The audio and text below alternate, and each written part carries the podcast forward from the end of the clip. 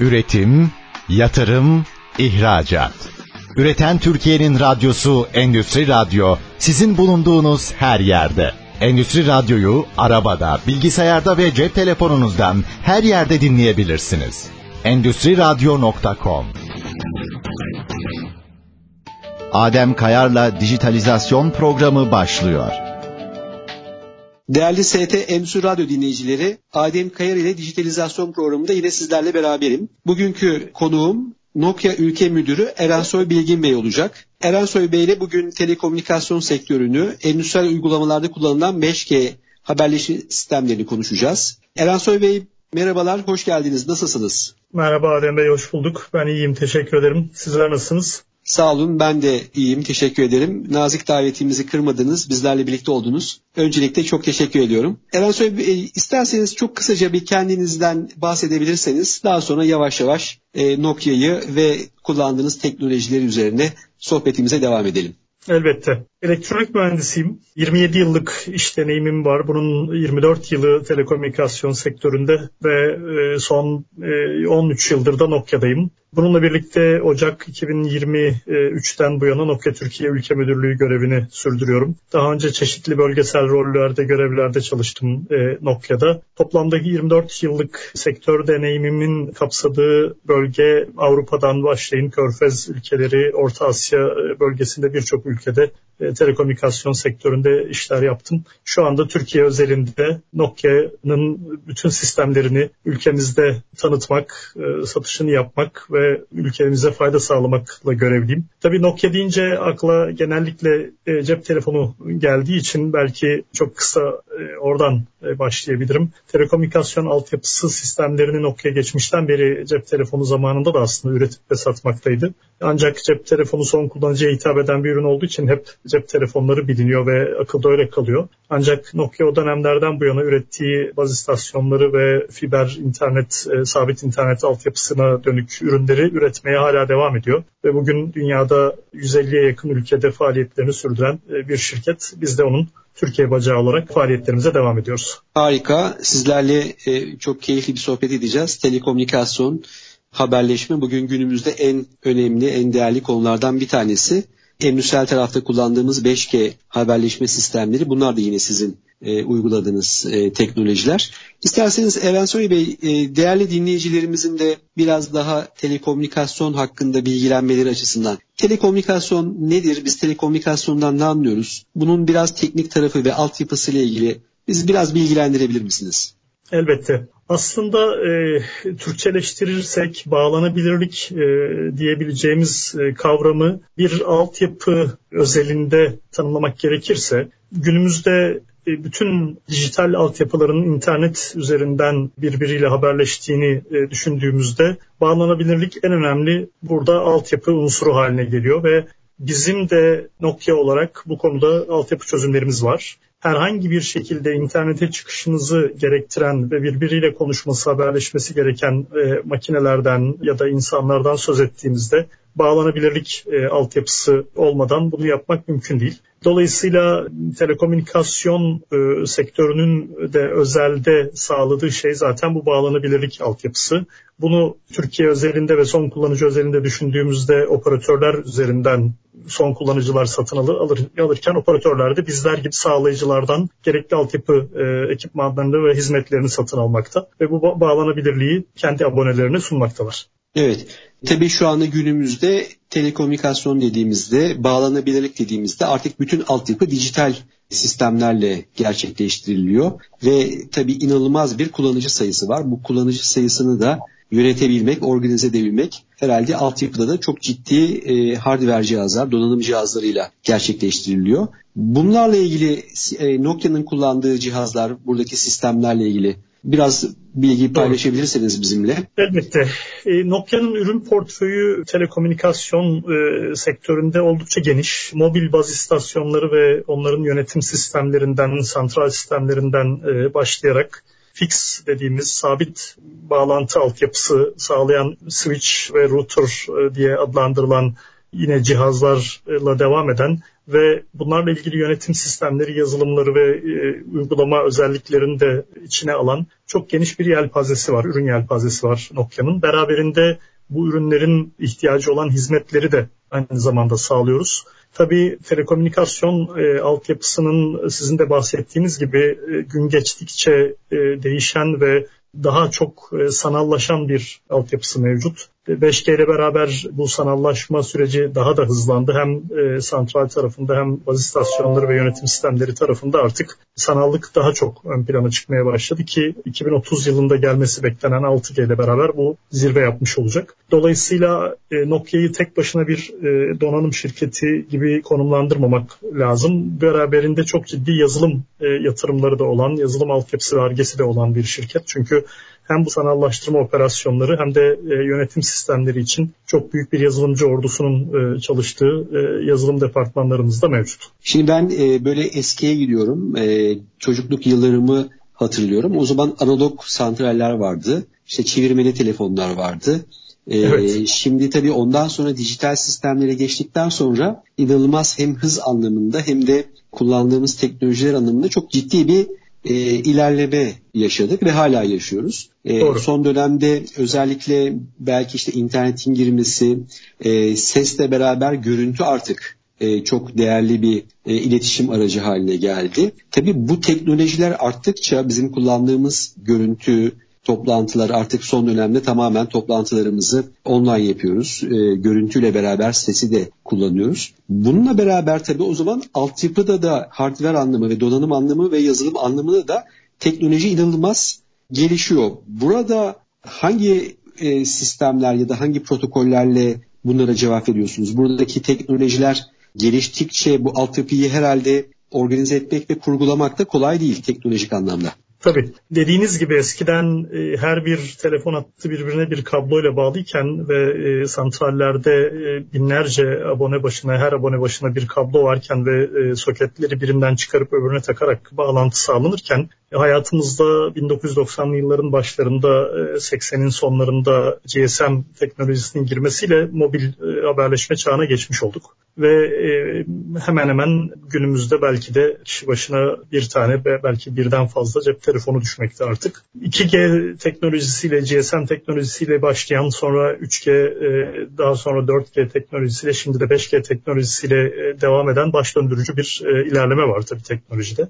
Baz istasyonlarının e, kapasiteleri, sağladığı hızlar, bunun beraberinde e, fiber altyapının e, yaygınlaşması, bakır yerine evdeki internet altyapımızda ağırlıklı olarak fiber kullanımına geçilmesi gibi hem kapasiteyi hem hızı çok olumlu yönde etkileyen e, teknolojik gelişmeler beraberinde Covid gibi e, geçirdiğimiz tarihsiz bir e, pandemi sürecinde internet bağlantısı ihtiyacının çok artmış olması ve eğitimin bile uzaktan yapılır hale gelmiş olmasıyla bir beraber bu teknolojilerdeki gelişim daha da hızlanmaya başladı. Çünkü buralara yatırım yapmanın ne kadar önemli olduğu, ne kadar stratejik bir e, altyapından e, bahsettiğimizi e, yaşayarak öğrenmiş olduk hep birlikte. Nokia'nın da e, bu anlamda bahsettiğim gibi hem e, sabit altyapı tarafında hem mobil altyapı tarafında güncel ürünleri maksimum kapasite ve e, hız ihtiyaçlarına cevap verecek şekilde ve genel olarak da sanallaştırma odaklı yöntemlerle artık kullanıcıların ihtiyaçlarına cevap vermekte.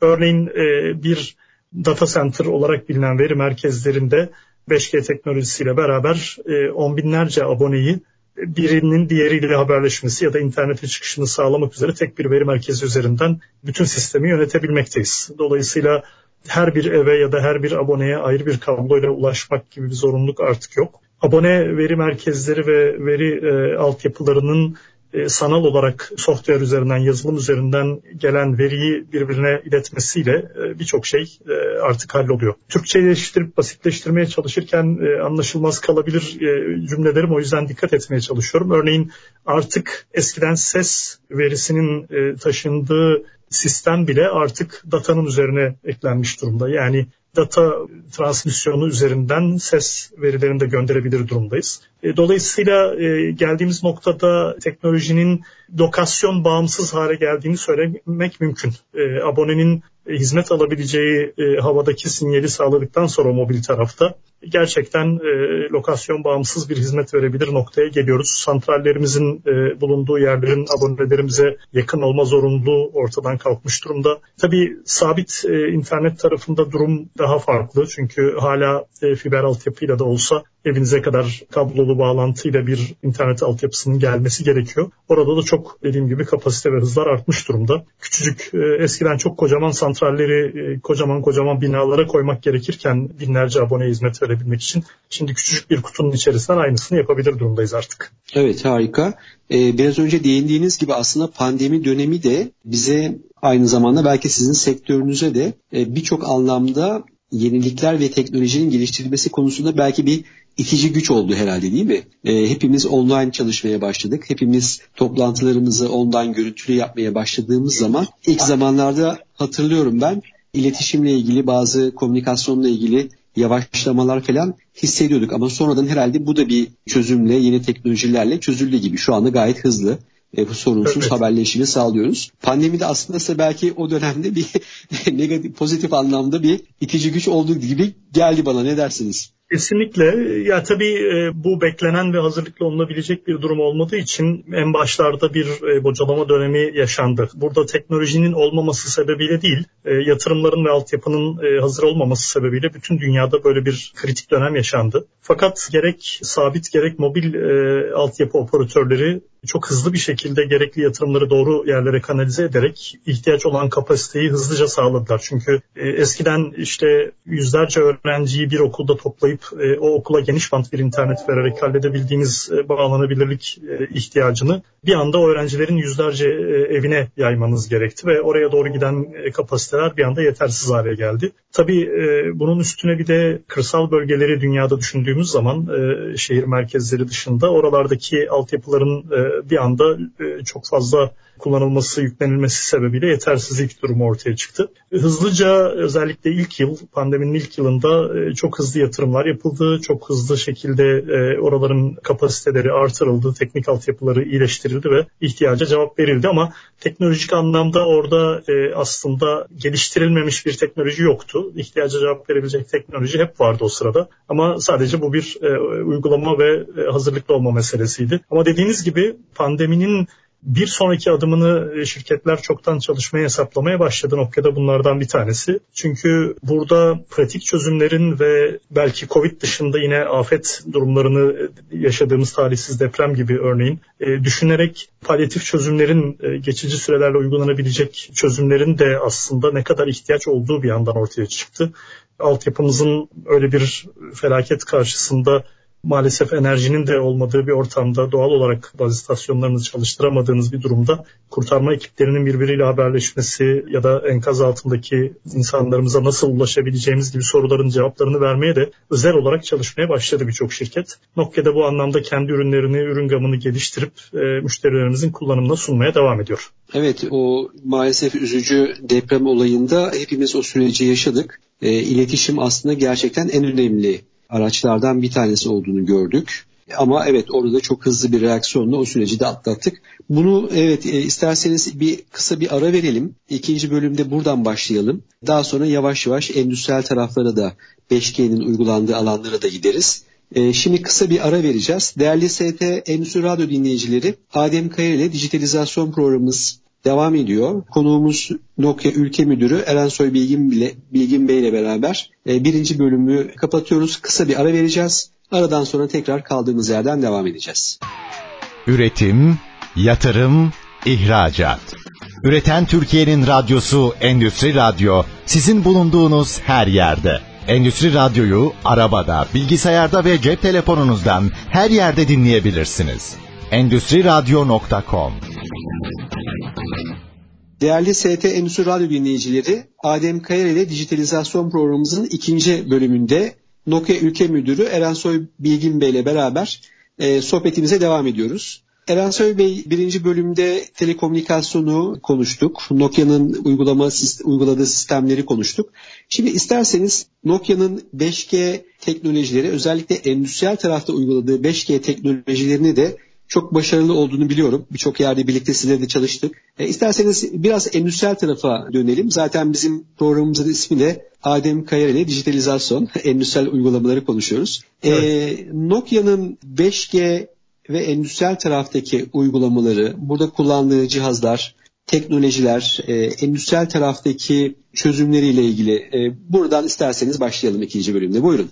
Memnuniyetle. Ee, şimdi aslında 5G teknolojisinin biraz e, neler getirdiğiyle e, başlamak istiyorum. Çünkü e, neden endüstriyi odağımıza alıyoruz 5G ile beraber? E, belki bunu dinleyicilerimizin anlaması açısından önemli olabilir. Son kullanıcı açısından elinde cep telefonuyla günlük hayatına devam eden bizler açısından aslında 5G'nin e, mevcut e, veri hızlarımızdan daha yüksek ve daha e, geniş kapasiteli veri hızlarına ulaşmamız dışında izlediğimiz videonun çözünürlük kalitesinin artmasından çok da fazla ilave bir getirisi aslında yok gibi görünüyor olabilir. Ancak 5G ile beraber teknolojinin geldiği noktada tepkime süresi yani sizin bir taraftan bastığınız düğmenin diğer tarafta etkilerinin görünme süresinin aradaki gecikme süresinin çok çok kısaldığı ve aynı zamanda çok geniş bant verilerin aktarabildiği bir e, noktaya geldik. Bu durumda e, aslında mobil internet ile sabit internetin yani fiber altyapılı internetin birbiriyle yarışır e, hale geldiğini söylemek çok da yanlış olmaz. Böyle olunca aslında bir tarafta da yine bizim ürün portföyümüzde de yer alan ve Wi-Fi diye bilinen internet e, sağlama sistemiyle e, mobil internet baz istasyon üzerinden internet sağlama sistemlerinin artıları ve eksileri endüstri tarafında bunun yansımaları daha çok e, odak noktası olmaya başlıyor. Ve dünyada özellikle e, haberleşme altyapısı üzerinden otomasyona, dijitalizasyona doğru giden endüstrilerde çok hızlı bir şekilde bu kesintisiz e, haberleşme, e, bağlanabilirlik e, özelliği çok ön plana çıkıyor. Doğal olarak e, Wi-Fi'nin yayın yaptığı frekans ve yayın teknolojisi sebebiyle metal yoğun ortamlarda ve engebeli ortamlarda sinyalin yayılması çok fazla sayıda yayın yapan cihaz gerektiriyor ve bunların birbiri arasında geçişleri de e, nispeten çok problemsiz değil. Ama mobilden biliyorsunuz e, kendi aracınızda bile %120 e, ile saatte giderken çok rahat kesintisiz bir şekilde bağlantınızı sürdürebiliyorsunuz. Cihazların birbiriyle konuşması olması ihtiyacı da aslında e, özellikle endüstride düşündüğünüz zaman kesintizlik gerektiren bir e, ihtiyaç. Çünkü o kesinti sizin üretiminizin hatalı olmasına, e, aksamasına neden olabilir. Dolayısıyla ya da bir eğer konuştuğumuz konu insan sağlığı ise iş güvenliği konusunda geciken bir e, tepkime süresi sizin e, iş kazası yapmanıza neden olabilir.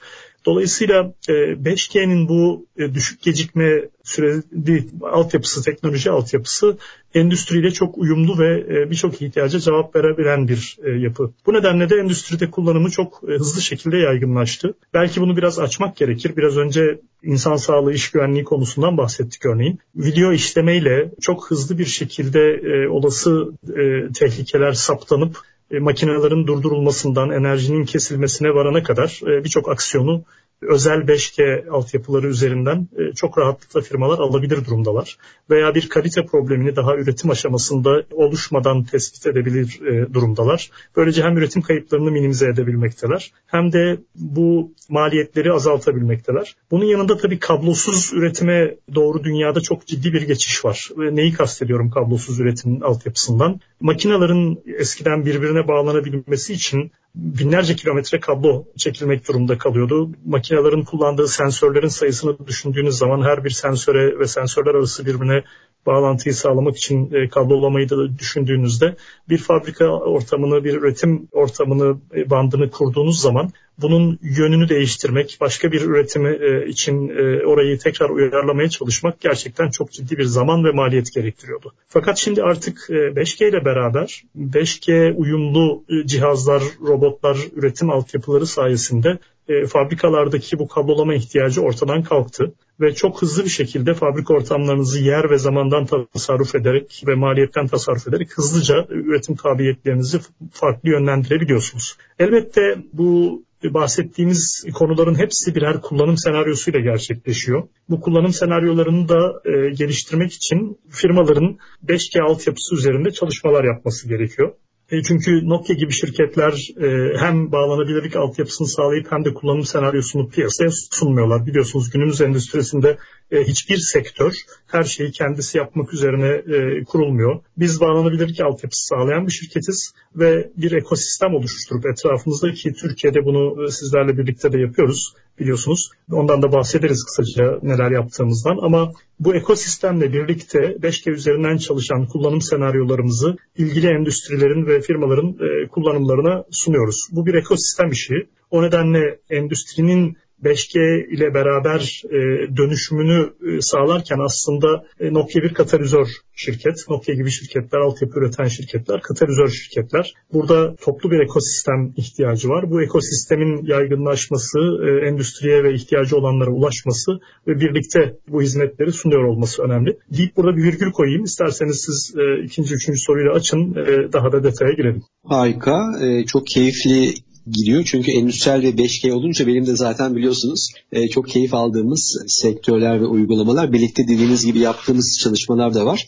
Ben burada hem size de böyle bir es vermek için mesela en son sizinle yaptığımız uygulamada endüstriyel bir tesisin e, Metaverse üzerinden kontrolünü 5G haberleşmesiyle sahadaki bir robotu kontrol etmek şeklinde bir düşünceyle bir uygulama yapmıştık. Hatırlarsanız Doğru. birlikte bir çalışma evet. yapmıştık.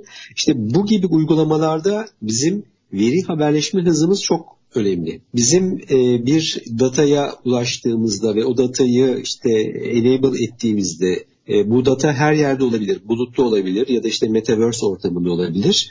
Onun sahada gerçekten bir robot ya da bir üretim tesisindeki bir motoru çalıştırma arasındaki zaman aslında bizim direkt üretimimizi belirliyor. Üretim sürecimizi etkiliyor. Doğru. Şöyle düşünelim. Mesela bulutta koşan bir aplikasyonumuzda diyelim ki biz iş emrini aldık ve bunu üretime göndereceğiz. Bu üretime gönderirken gönderdiğimiz ve bunun üretimde işleme hızı aslında bizim ciddi bir şekilde üretim adedimizi etkiliyor. Hani şöyle Kesinlikle. klasik bir laf vardır otomobil sektöründe e, işte her 60 saniyede bir bir arabanın bir banttan çıktığını düşünürsek e, yani aşağı yukarı ortalama bir dakikada bir araba banttan çıkıyor. Bitmiş, tamamlanmış bir şekilde. Şimdi aslında hani dinleyicilerimize ben bu örneği veriyorum ki kafalarında daha net canlansın.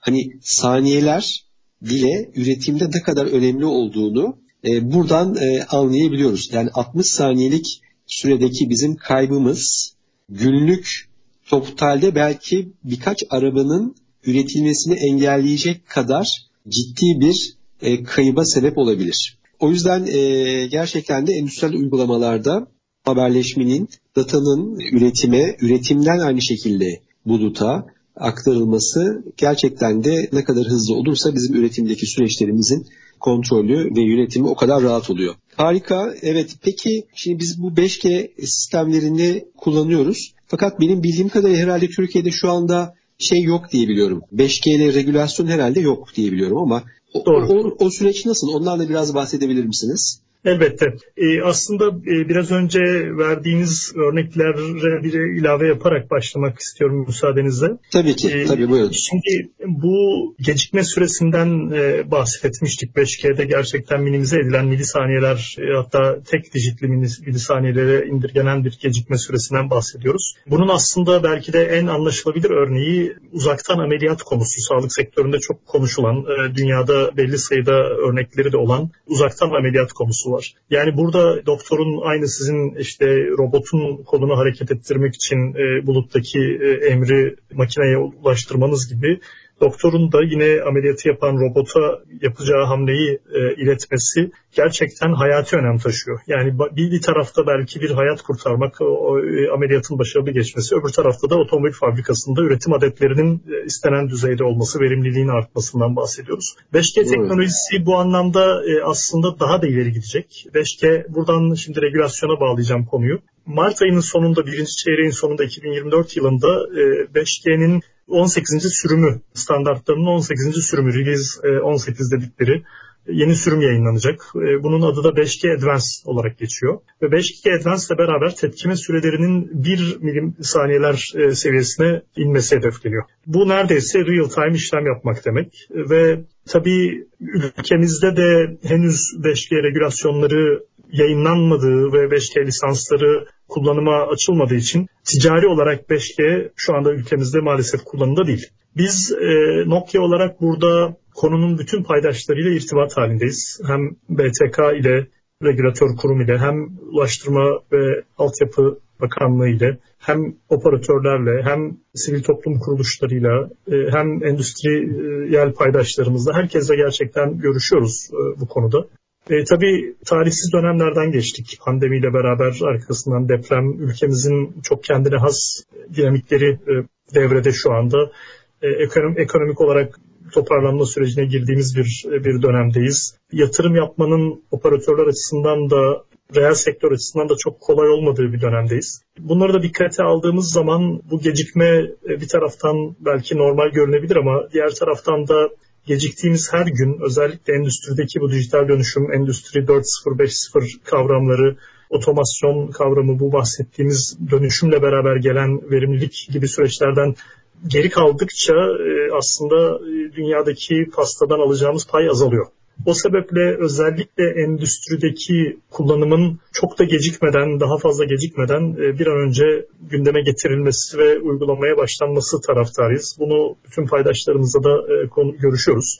Aslında bu konuda bir görüş birliği de yok değil. Yani bunun öneminin bütün paydaşlar farkında ve bir çalışma yapıldığını da biliyorum regülasyon kurumu tarafından konuyla ilgili. Biz de kendilerine görüş sorulduğunda mümkün olduğunca e, destek olmaya çalışıyoruz. Birlikte yaptığımız çalıştaylar da var bu konuda e, Bilişim Teknoloji Kurumu'yla. Bizim aslında bunun beraberinde üzerinde durduğumuz diğer bir konu da bu 5G frekansının endüstrideki kullanımının nasıl olacağı konusu. Çünkü sektörün paydaşları olarak e, bizler e, Nokia gibi sağlayıcılar ve operatörler açısından önemli bir konu bu. E, dünyada bunun değişik örnekleri var. Endüstriye 5G frekansını ayrıca tahsis eden ülkeler var.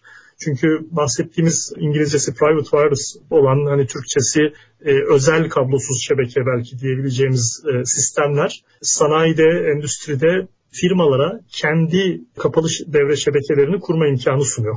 Bu da şu demek, sizin e, fabrikanıza veya limanınıza, madeninize her neyse işletmeniz özel bir sim kartla sizin çalışanlarınızdan e, ya da sizin o sim kartı sağladığınız e, paydaşlarınız dışında hiç kimsenin o şebekeyi kullanamaması anlamına geliyor. Bunun birkaç faydası var. Birincisi güvenlik, ikincisi performans açısından bağımsızlık, dış etkenlerden etkilenmeme gibi. Dolayısıyla dünyada genellikle eğilim özel şebekeler, e, özel kablosuz şebekeler kurmak yönünde. Endüstrinin talebi bu yönde. Tabii bunu hibrit versiyonla yani şöyle düşünün operatörün baz istasyonu şebekesinin bir parçası olarak da yapmak mümkün. Bu hibrit modelde ilgili operatörün sim kartını taşıyan herhangi biri sizin fabrikanıza girdiğinde sizin şebekenize bağlanabilirken diğer tarafta özel şebekelerde tamamen kendinize özel bir sim kartınız var ve sizin şebekenize izin vermediğiniz hiç kimse giremiyor.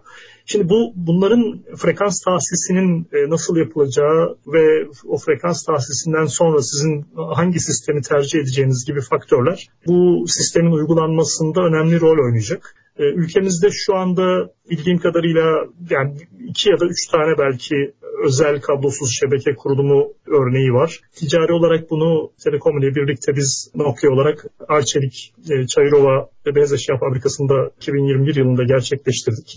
Ve e, Arçelik bu konuda gerçekten e, öncü bir rol üstlenerek özel kablosuz şebekelerin üretimdeki avantajlarını test etmeye başladı. Hatta kendilerinin de açıkladığı LGV dediğimiz insansız hareket eden e, fabrika içindeki araçların %25 hızlandığı ki şu anda LTE 4G üzerinden çalışıyor bu kablosuz özel şebeke 5G kullanım izni olmadığı için. Sadece e, 4G ile bile Wi-Fi kullanımına kıyasla %25 daha hızlı hareket edebiliyor e, durumda insansız araçlar. Tabii bunun üretimine getireceği verimliliği tamamen e, yansıtabilmek için e, sonuçlara uçtan uca bir dönüşüm gerekli. Çünkü sadece insansız araçlarınızın hızlanması değil, onun arkasında çalışan makinelerin de o hıza uyum sağlaması gerekir ki e, toptan bir verimlilik elde edesiniz. Bu, bu da bir süreç meselesi. Zaten dijital dönüşümden bahsettiğimiz şey de bu. Eğer e, regülasyon tarafına dönecek olursak 5G Advance ile birlikte 30 Mart'ın sonunda beklenen e, 5G Advance Release 18 ile beraber hemen arkasından Türkiye'de de 5G regülasyonunun yayınlanması ve 5.5G isimlendirmesiyle e, gündeme gelmesi mümkün. Böyle bir beklenti var sektörde. Elbette son kararı regülasyon kurumu ve ilgili bakanlık e, verecektir. Ancak bizim e, burada beklentimiz ve önerimiz özellikle endüstride kullanımın bir an önce başlaması. Evet, biz de endüstriyel uygulamalar yapan kişiler olarak bunun bir an önce istiyoruz. En kısa zamanda inşallah biz de 5G'yi ya da 5.5G'yi uygulamalarımızda kullanma fırsatımız olur. Şimdi Erensoy Bey isterseniz ikinci bölümünün de burada bir ara verelim. E, değerli dinleyicilerimiz Adem Kayır ile dijitalizasyon programımız devam ediyor. Çok keyifli, ben çok keyif alıyorum. Çok şey öğreniyorum Erensoy Bey'den. İkinci bölümün sonunda bir kısa bir ara vereceğiz. Üçüncü bölümde de kaldığımız yerden 5G dedik, 6G dedi hatta. Erensoy Bey. Onda ben iyice heyecanlandım. Biraz onu konuşalım. 2030'da gelecek 6G'yi ve daha sonra komünikasyon sistemleri ve teknolojilerle ilgili Nokia'nın yaptığı eğitimler, üniversitelerle olan işbirliklerinden bahsedeceğiz. Kısa bir ara veriyoruz. Üçüncü bölümde görüşmek üzere. Üretim, yatırım, ihracat. Üreten Türkiye'nin radyosu Endüstri Radyo sizin bulunduğunuz her yerde. Endüstri Radyo'yu arabada, bilgisayarda ve cep telefonunuzdan her yerde dinleyebilirsiniz. Endüstri Radyo.com Değerli ST Endüstri Radyo dinleyicileri, Adem Kayar ile dijitalizasyon programımızda Nokia Ülke Müdürü Erensoy Bilgin Bey ile teknolojiler, telekomünikasyon, 5G, 6G çok heyecanlı devam ediyor. Üçüncü bölümde kaldığımız yerden devam edeceğiz. Erensoy Bey ikinci bölümde bahsettik. 5G'den bahsettik. Hatta Türkiye'de e, regülasyon olursa 5.5G diyeceğiz belki dediniz. 2030'da 6G'den bahsettiniz. Ben iyice heyecanlandım. İsterseniz buradan devam edelim. Eklemek istedikleriniz varsa. Daha sonra 6G ve teknoloji herhalde o kadar hızlı ilerliyor ki ileride bizi ne bekliyor? E, yeni teknolojilerden de biraz bahsedebilir misiniz? Elbette. Şimdi 2030 yılında e, hayatımıza girmesi beklenen 6G e, ile beraber aslında şu anda çok e, hiçbirimizin belki de ne olduğunu tam olarak anlamadan konuştuğumuz Metaverse, bu sanal ortamlarla ilgili iletişimimiz, etkileşimimiz çok daha hızlanacak. Çünkü 6G ile beraber gelen teknolojik gelişim 4G'den 5G'ye geçerkenden çok daha fazla. Ee, hem band genişlikleri hem hızlar e, hem tepkime süreleri açısından olay sezgisel boyuta doğru gidecek 6G ile beraber. Şu anda çok yaygın olarak e, görülmese de belli yerlerde kullanımı olan e, işte hologramik yaklaşımlarla beraber metaverse ortamların 6G ile beraber çok günlük kullanıma kadar yaygınlaştığını görebileceğiz. Bunun içerisinde e, işte dijital ikizler e, diye tanımlanan ve aslında şu andan da kullanıma başlamış olan endüstriyel kavramların çok yaygınlaştığını ve kolay ulaşılır olduğunu da göreceğiz. Bizim tabii Nokia olarak 6G e, ile işbirliğimiz ya da 6G'ye bakışımız onun takipçisi değil lideri olmak yönünde. Bu anlamda belki dinleyicilerimize güzel, beni çok ne diyeyim onur eden gururlandıran e, bir takım şeyleri de paylaşabilirim. Nokia'nın Finlandiya'daki ARGE ekibinde, 6G geliştirme ekibinde Hatta ekibin lideri e, pozisyonunda Türk arkadaşlarımız var. Türkiye'den giden mühendis arkadaşlarımız var. Onlarla sürekli görüşme halindeyiz ve hem Türkiye'den müşterilerimizi hem gerçekten öğrenmek isteyen paydaşlarımız, üniversiteler, e, öğrenciler, e, hocalarımız olsun. ihtiyaç olduğu durumlarda gerek fiziksel ziyaretlerle Finlandiya'daki genel merkezimize gerekse sanal ortamlarda ilgili arkadaşlarımızla bir araya getirerek merak eden herkesi konu hakkında de çalışıyoruz. Çünkü 6G'nin standartlarının oluşturulması aşamasında Nokia gerçekten lider bir rol üstlenmiş durumda. Hayatımızın nasıl değişeceğini 6G ile beraber bugünden kestirmek gerçekten zor. Ee, birçok sunum izlememe rağmen bunları ben bile hala beynimde tam olarak oturtabilmiş değilim ama şunu size söyleyebilirim. En son 2023 Şubat ayında Barcelona'da fiziksel olarak gerçekleştirilen e, GSM fuarında bu 6G e, ile beraber gelecek olan bir takım use case'lerin simülasyonu yapılmıştı. Ve orada 6G ile beraber artık santimetre e, doğruluğunda lokasyon belirlemek, sizin artık GPS'e e, ihtiyacınız olmadan, uyduya bağlanma ihtiyacı olmadan santimetre hassasiyeti mertebesinde lokasyon belirlemekten tutun, termal kamera görevi görebilecek e, ısı ölçümleri e, ne varana kadar birçok fonksiyonu 6G ile gerçekleştirmek mümkün olacak gibi görünüyor. Tabii bunlar e, şu anda geliştirme aşamasında olan standartlarla bağlantılı olarak değişiklik gösterebilir ama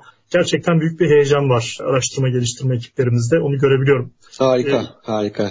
Evet. Belki burada şunu ekleyebiliriz. Hani 5G bizim sektörümüzün içinde olan insanlar açısından biraz ilk başlarda daha fare mi doğurdu acaba diye yorumlanan bir teknoloji olmuştu ama 6G gerçekten e, yıkıcı bir teknolojik e, sıçrama getirecek gibi gözüküyor. Harika. Ee, siz de hatırlarsanız Wien Euro Asya 2023 fuarında Hannover Messe, Nokia ve MCS grup olarak biz de bir e, use case yapmıştık. Use case'de bir metaverse platformu var. Kullanıcı adı ve şifresiyle kişi kendi avatarıyla Meta'nın içine giriyor, Metaverse ortamına giriyor.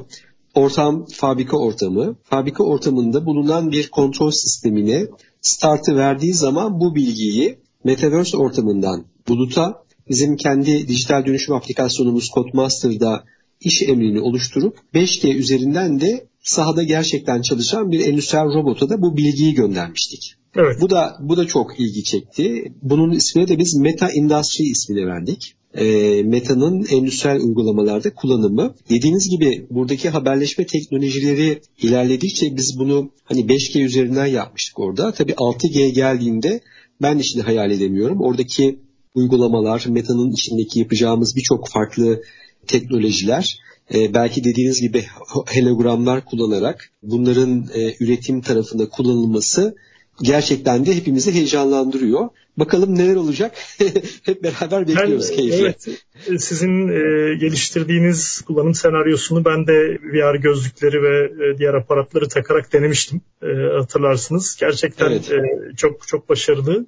Ben e, şöyle hayal ediyorum. Şu anda e, bu sanal ortamlara girebilmek ve ilgili işlemleri yapabilmek için bir takım aparatlara ihtiyaç duyuyoruz 5G ortamında. Belki 6G'de bunların hiçbirine ihtiyaç duymadan dediğiniz gibi hologramımızda bunu yapmayı başaracağız. O teknolojik gelişim gerçekten heyecanlandırıcı ve baş döndürücü. Bunu geliştiren tarafta olmak, e, araştırma geliştirmesini yapan bir şirketin bir parçası olmak da bizim için ayrıca heyecan verici. E, tabii bunun Türkiye'ye getirisi, yansımaları buradan nasıl fayda sağlayabiliriz ülke olarak e, konularında da çok kafa yoruyoruz. Belki ilerleyen aşamalarda onunla ilgili sorularınız da olacaktır. Tam da oraya geliyordum. Peki Nokia'nın Türkiye'de faaliyetleri hem hardware hem yazılım bu konularda e, bildiğim kadarıyla o tür çalışmalarınız da var. İsterseniz biraz ondan bahsedelim. Şimdi Nokia Türkiye'de tarihçesi oldukça e, eski olan bir şirket ve e, Nokia'nın telekom e, altyapısı sektöründeki gelişimi birkaç firmanın birleşimi ve satın alınmasıyla e, gerçekleştiği için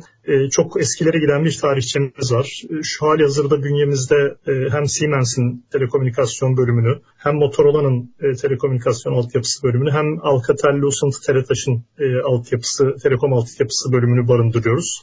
Bütün bu şirketlerin birleşiminden oluşan bir şirket Nokia ve Türkiye'de de bütün bu şirketlerin ayak izleriyle beraber gelen bir tarihçemiz var. Bunu şunun için anlatıyorum. Bütün bu e, tarihçe ve kök salmışlık bizi Türkiye'nin ayrılmaz bir parçası yapıyor Nokia olarak. Her ne kadar yabancı sermayeli bir şirket de olsak e, bu anlamda kendimizi e, tamamen yerli bir şirket gibi görüyoruz ve faaliyetlerimizi, yatırımlarımızı da ona göre planlıyoruz. Elbette regülasyonların getirdiği e, zorunlulukları bir taraftan sağlamaya çalışırken öbür taraftan da ilave ne katkılar sunabilirizin e, peşinde koşuyoruz sürekli. Bizim e, bugün itibariyle 5G teknolojisini de e, kapsayan baz istasyonlarımızın tamamı Türkiye'de üretilmekte. Bu konuda Karel ile işbirliği yapmaktayız. Karel'in Sincan Organize Sanayi Bölgesi'ndeki fabrikasında baz istasyonlarımız üretiliyor. Komponent bazında, elektronik komponent bazında satın alınan komponentler baskı dizgileri Karel tarafından yapılarak elektronik anakartlara dönüştürülüyor ve arkasından gerekli bütün e, komponentler, parçalar, mekanik aksam yine Karel'de montajlanıp testleri yapılarak Karel'de üretiliyor. Tabii bunun bir ekosistem meselesi olduğunu bilmek gerekir. Belki de otomotivi burada yine örnek verebiliriz. Türkiye biliyorsunuz otomotivde çok e, gelişmiş bir ülke otomotiv sanayinde. Ama bu, bu dünden bugüne e, bir günde olmadı. İlk gelen e, işte Oyak Renault, Tofaş gibi fabrikalarla bir ekosistem, bir yan sanayi gelişti, bir know-how gelişti. E, bu bilgi birikiminin e, aktarılması ve gelişmesiyle şimdi e, kendi yerli otomobilinizi TOG'u e, yapabilir durumdayız. Kaldı ki çok sayıda otomobil fabrikası da e, Türkiye'de üretimini gerçekleştirmekte. Ben biraz bizim çıktığımız yolu da böyle görüyorum. Kararla evet. başladığımız süreçte verdiğimiz eğitim, yaptığımız yatırım, şu andaki gelinen bilgi seviyesi çok kıymetli. Çünkü telekom sektörü otomotivden sonra elektronik üretimin en karmaşık e, olduğu sektörlerden bir tanesi. Bir baz istasyonumuzun elektronik kartında çift taraflı 22-23 katmana varana kadar varan e, elektronik kartlardan bahsediyoruz. Her birinin üzerinde 5000 ila 7000 arasında komponentler nanometre seviyesinde üretimden bahsediyoruz. Bu tabii bir birikim gerektiriyor. ARGE kısmına ve yazılım kısmına gelecek olursak tabii e, bu bir zaman meselesi. Yani Nokia elbette Türkiye gibi nispeten düşük maliyetli olan Avrupa'ya kıyasla bir ülkede ARGE yapmayı çok arzu eder. Ancak e, bunun için e, bir bir zaman ve bir birikim gerekiyor. Şu anda Nokia'nın Türkiye'de yüzlerce global müşterilerimize hizmet veren servis merkezleri ve burada çalışan mühendisleri var. Dolayısıyla e, o yola çıktığımızı düşünüyorum Nokia olarak. Erensoy Bey harika gidiyoruz. Peki son bölüme doğru yaklaşıyoruz. Son 4 dakikamız. Nokia ile üniversiteler arasında işbirlikleri, gençlerimize tavsiyeleriniz, önerileriniz Biraz önce bahsettiğiniz Finlandiya'da ARGE ofisinde çalışan Türkiye'den giden genç mühendis arkadaşlarımız var. Bunlar hepimizi gururlandırıyor. Bu konuda yaptığınız çalışmalardan da biraz bahsedebilir misiniz? Bizim e, Türkiye'ye bakışımızın e, kalıcı olduğunu ve ona göre yatırımlarımızı yönlendirdiğimizi söylemiştim biraz önce. Tabii bunun en önemli parçalarından bir tanesi de insan kaynağı, insan birikimi. Çünkü ARGE'mizi e, ve yazılım geliştirme birimlerimizi e, buraya kaydırmak hedefinde olduğumuzu düşünürsek e, Nokia Türkiye olarak gerekli ekosistemi ve insan kaynağını sağlamak çok kritik gerçekten. E, bunun da bilincinde olduğumuz için üniversite seviyesinden endüstri, e, üniversiteler ve bizim gibi firmaların işbirliğini çok önemsiyoruz. Bu kapsamda e, ondan fazla üniversiteyle irtibat ve işbirliği halindeyiz. Birkaç üniversiteyle sertifika e, programları e, uygulamaktayız, e, devam ettirmekteyiz. İki tane üniversitede telekom altyapısı ile ilgili dersler veren gönüllü arkadaşlarımız var e, şirketimizden.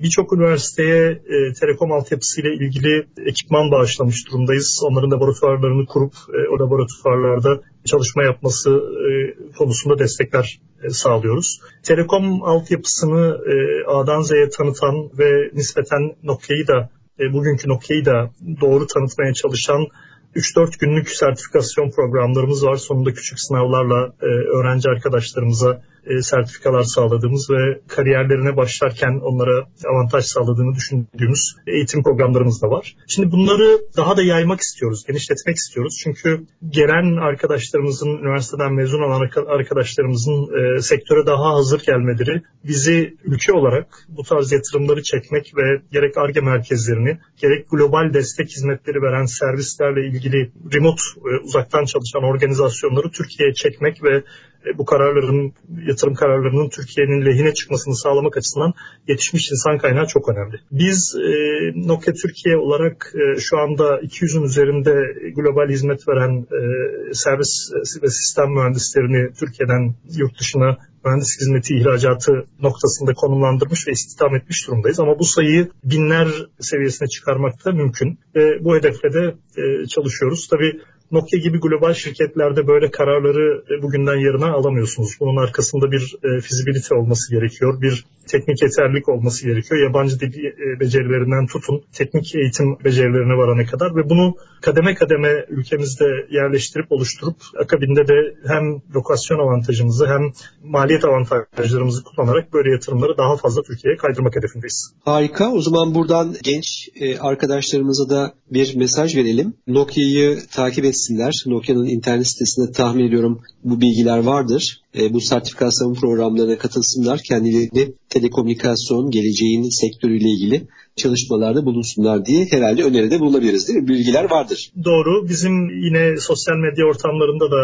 e, bu konularda paylaşımlarımız oluyor. E, bizi arattırıp sosyal medya ortamında bulup takip ederek çok rahatlıkla bize ulaşabilirler. Staj programlarımız da var. E, her yıl 50 civarında üniversite öğrencisini staj programlarımıza dahil ediyoruz. interaktif bir şekilde e, orada da kendilerine destek olmaya çalışıyoruz. Bize her türlü e, ulaşabilirler. Biz elimizden geldiğince kendilerine destek olmaya devam edeceğiz. Harika. Ee, Erensoy Bey gerçekten çok keyifli bir sohbet oldu. Ben çok keyif aldım, çok şey öğrendim. Ee, tahmin ediyorum dinleyicilerimiz de e, sizlerden çok faydalandılar. Genç arkadaşlarımıza da ışık tuttunuz. Öncelikle e, nazik davetimizi kırmadınız. Programımıza katıldığınız için size çok teşekkür ediyorum. Çok sağ olun. Ben teşekkür ediyorum. Benim için de çok büyük bir keyifti. E, fırsat verip e, beni davet ettiğiniz için sağ olun. Değerli ST Endüstri Radyo dinleyicileri, bugün Adem Kayar ile dijitalizasyon programında programında Nokia Ülke Müdürü Eren Soybey ile sohbet ettik. Bildiğiniz gibi her programın sonunda bir e, anahtar kelime paylaşıyorum. E, bugünkü anahtar kelimemiz Nokia ve 5G. Bu Nokia ve 5G anahtar kelimesini Doktor Adem Kayar Instagram hesabından paylaşan bir değerli dinleyicimize dijitalizasyonla ilgili bir kitap hediye edeceğiz. O yüzden e, notunuzu alıp mesajınızı paylaşırsanız bir değerli dinleyicimize dijitalizasyon kitabını adresine kargoyla göndereceğiz. Hepinize sağlıcakla kalmanızı öneriyorum ve e, bir sonraki programda görüşmek üzere. İyi günler.